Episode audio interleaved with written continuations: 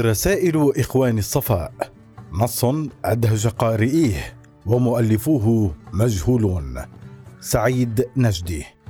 إخوان الصفاء جماعة سرية يلفها الغموض من ناحية مؤلفيها خصوصا أنها ظهرت في مرحلة تحولات وصراعات كثيرة في الساحة العربية الإسلامية آنذاك في منتصف القرن الرابع الهجري. حيث ساعدت الأجواء السياسية الفكرية في ظهورهم نظرا إلى ضعف الدولة العباسية. وقد نسبت رسائل إليهم تعرف برسائل إخوان الصفاء لكن المؤلفين مجهولون. نريد هنا أن نعرف متى تم تأليف هذه الرسائل وهل يمكن معرفة المؤلفين الحقيقيين والفعليين لهذه الرسائل التي قال البعض إنها النصوص الأقوى تاثيرا في الثقافة العربية بعد القرآن. وعلى ماذا تحتوي هذه الرسائل؟ يقسم هذا العمل الموسوعي المكون من 52 رسالة إلى أربعة كتب تتناول العلوم الرياضية، الهندسة والفلك والموسيقى إلى آخره، والعلوم الجسمانية والطبيعيات، والعلوم العقلانية والنفسية، الكوزمولوجيا والإسكاتولوجيا إلى آخره، والعلوم الدينية، الثيولوجيا ويضاف إلى هذه الرسائل التي تتناول تقريبا جميع العلوم والتقاليد الفكرية المعروفة في فترة تصنيفها. ملخص ختامي مستقل لهذه الرسائل يعرف باسم الرسالة الجامعة. يقول المستشرق ديبور في كتابه تاريخ الفلسفة الإسلامية إن آراء إخوان الصفاء ظهرت في جملتها من جديد عند فرق كثيرة في العالم الإسلامي كالباطنية والإسماعيلية والحشاشين والدروز. وقد أفلحت الحكمة اليونانية في أن تستوطن في الشرق وذلك عن طريق إخوان الصفاء ومن الكلام الذي يبين طريقة تأليفهم ومزجهم للفلسفات والأديان والقول بصحتها كلها بأن مذهبهم يشمل المذاهب والأديان جميعها. قولهم في المجلد الرابع. وبالجملة ينبغي لإخواننا ايدهم الله تعالى الا يعادوا علما من العلوم أو يهجروا كتابا من الكتب أو يتعصبوا على مذهب من المذاهب. لأن رأينا ومذهبنا يستغرق المذاهب كلها. ويجمع العلوم جميعها وذلك أنه هو النظر في جميع الموجودات بأسرها الحسية والعقلية من أولها إلى آخرها ظاهرها وباطنها جليها وخفيها بعين الحقيقة من حيث هي كلها من مبدأ واحد وعلة واحدة وعالم واحد ونفس واحد محيطة بجواهرها المختلفة. وأجناسها المتباينة وأنواعها المفننة وجزئياتها المتغيرة. وفي السياق نفسه نرى كلاما لإخوان الصفاء في المجلد الأول يتصل بما قلناه لناحية شمول الأديان وربطها بمذهبهم. أو هل لك أن تخرج من ظلمة أهرما حتى ترى اليزداني قد أشرق منه النور في فسحة أفريحون؟ أو هل لك أن تدخل إلى هيكل عديمون حتى ترى الأفلاك يحيكها أفلاطون وإنما هي أفلاك روحانية لا ما يشير إليه المنجمون وذلك أن علم الله تعالى محيط بما يحوي العقل من المعقولات والعقل محيط بما تحوي النفس من الصور والنفس محيطة بما تحوي الطبيعة من الكائنات والطبيعة محيطة بما تحوي الهيول من المصنوعات. فإذا هي أفلاك روحانية محيطات بعضها ببعض أو هل لك ألا ترقد من أول ليلة القدر حتى ترى المعراج في حين طلوع الفجر حيث أحمد المبعوث في مقامه المحمود فتسأل حاجتك المقديه لا ممنوعا ولا مفقودا وتكون من المقربين. وفقك الله أيها الأخ البار الرحيم. وجميع إخواننا لفهم هذه الإشارات والرموز تشوقت نفس هرمس بالصعود إلى هناك والاستماع لها والنظر إليها إشارة إلى حركات الأفلاك. كما سمعته نفس فيثاغورس فاجتهد يا أخي في تصفية نفسك وتخليصها من بحر الهيولة وأسرار الطبيعة وعبودية الشهوات الجسمانية. آراء في نسبة الرسائل. ينسب أبو حيان التوحيدي 310 414 هجرية في الإمتاع والمؤانسة. رسائل إخوان الصفاء إلى مؤلفين هم أبو سليمان محمد بن معشر البستي المعروف بالمقدسي وأبو حسن علي بن هارون الزنجاني وأبو أحمد المهرجاني وأبو الحسن العوفي وزيد بن رفاعة. وفي كلامه عنهم للوزير صمام الدولة بن عضد الدولة البويهي يقول أبو حيان التوحيدي وكانت هذه العصابة قد تألفت بالعشرة وتصافت بالصداقة واجتمعت على القدس والطهارة والنصيحة فوضعوا بينهم مذهبا زعموا أنهم قربوا به الطريق إلى الفوز برضوان الله. وذلك أنهم قالوا إن الشريعة قد دنست بالجهالات واختلطت بالضلالات ولا سبيل إلى غسلها وتطهيرها إلا بالفلسفة لأنها حاوية للحكمة الاعتقادية والمصلحة الاجتهادية. وزعموا أنه متى انتظمت الفلسفة الاجتهادية اليونانية والشريعة العربية. فقد حصل الكمال. اذا ما يهمنا من هذا الكلام اولا نسبة هذه الرسائل إلى خمسة مؤلفين من دون الإشارة إلى النسب الإسماعيلي القرمطي لهذه الرسائل وثانيا إشارته إلى الخلط بين الشريعة العربية. من جهة يقول وقد رأيت جملة منها وهي مبثوثة من كل فن بلا إشباع ولا كفاية وهي خرافات وكنايات وتلفيقات وتلزيقات وحملت عدة منها إلى شيخنا أبي سليمان المنطقي السجستاني وعرضتها عليه فنظر فيها اياما وتبحر طويلا ثم ردها علي وقال تعبوا وما أغنوا ونصبوا وما آجروا وحاموا وما وردوا وغنوا وما أطربوا. ونسجوا فهلهلوا.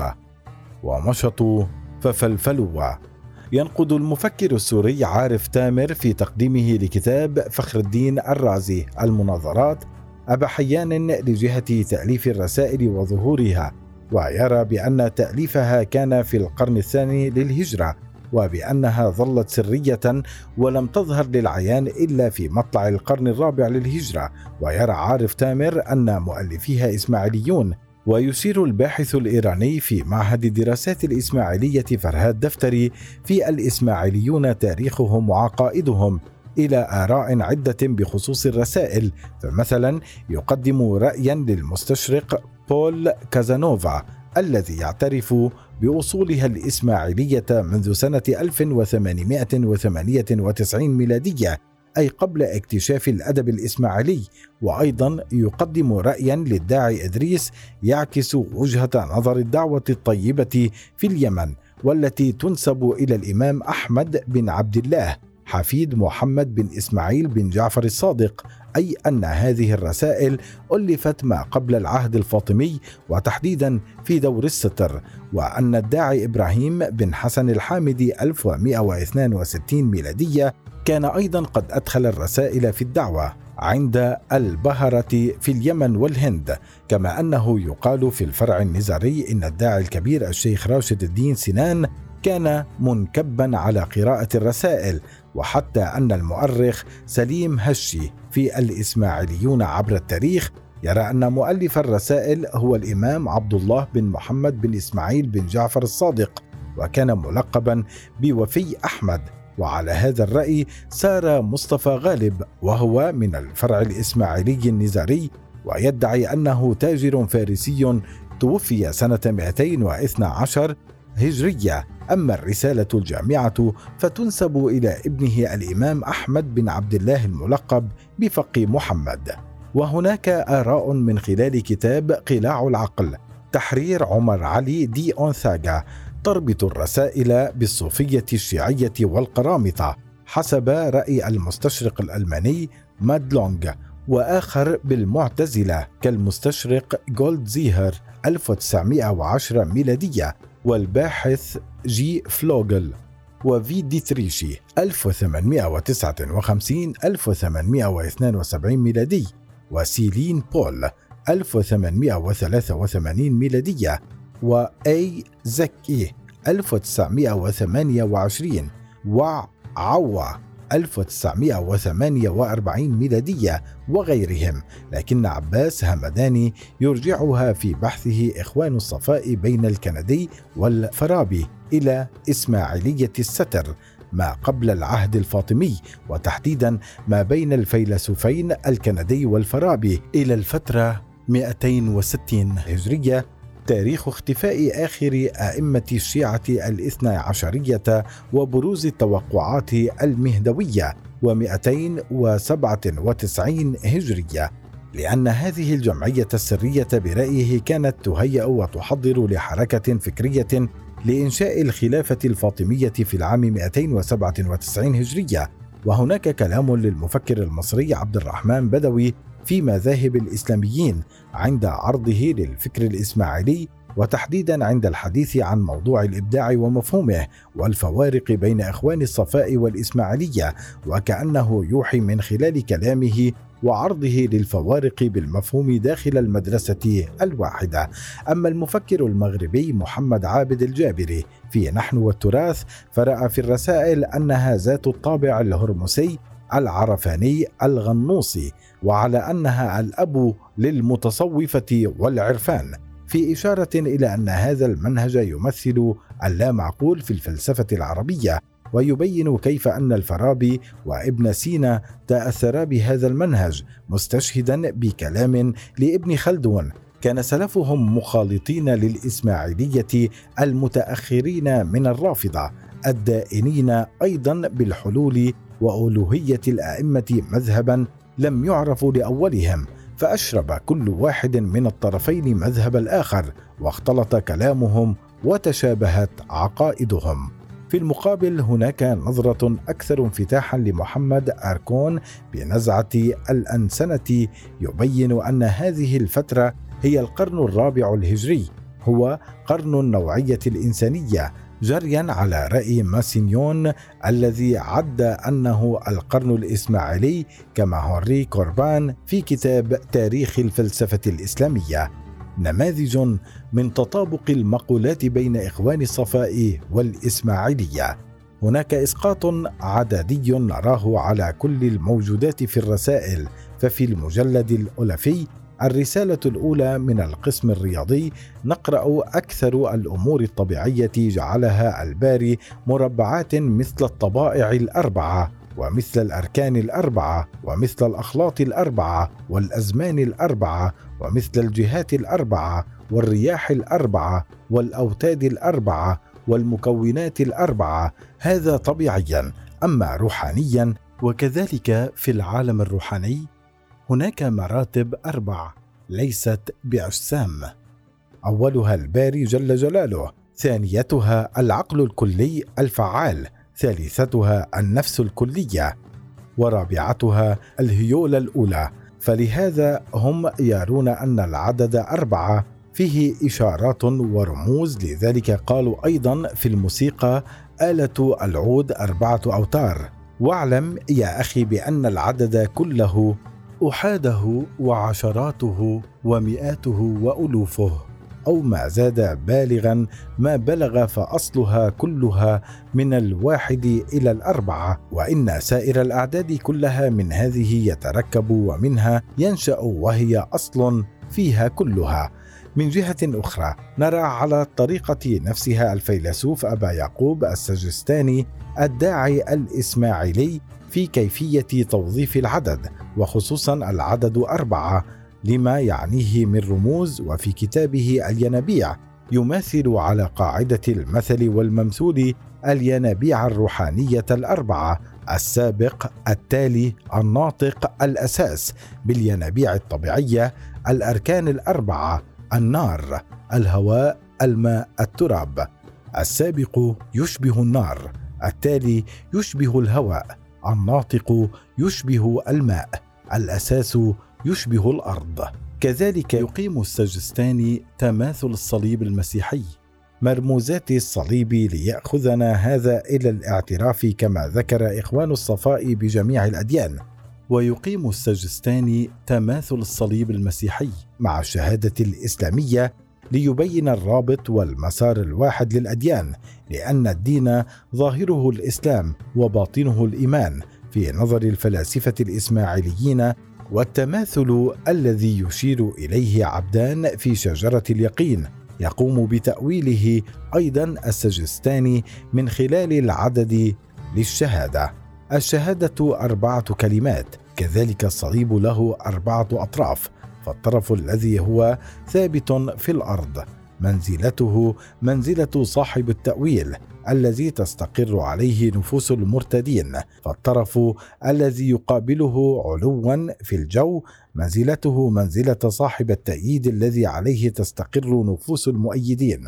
والطرفان اللذان في الوسط يمنة ويسرة على التالي والناطق. اللذين أحدهما صاحب التأليف وأحدهما مقابل الآخر.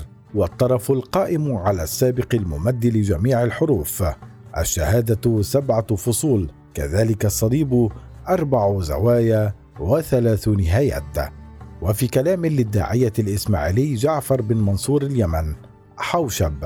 المتوفى سنة 380 هجرية يقدم فيه بعض المرموزات المسيحية عن الصليب والقربان والمعمودية وغيرها ويطابقها مع المفاهيم الإسماعيلية أيضا من خلال كتابه سرائر وأسرار النطقاء فمثلا الأناجيل السبعة وهي أمثال للحدود ونصب دينه على سبعة وجعل مرجوع الأمة إليهم وهم البطول المطران الاسقف القس والشماس والمرسوم والروس.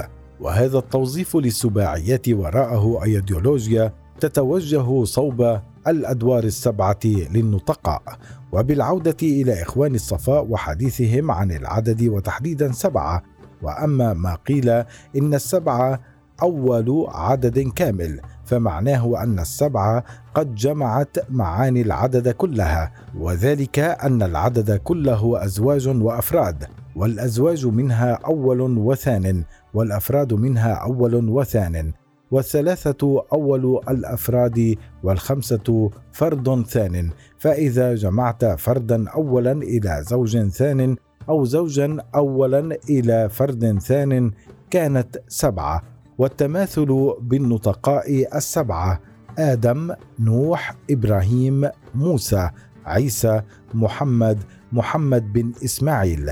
والأسس السبعة لكل ناطق شيت سام إسماعيل.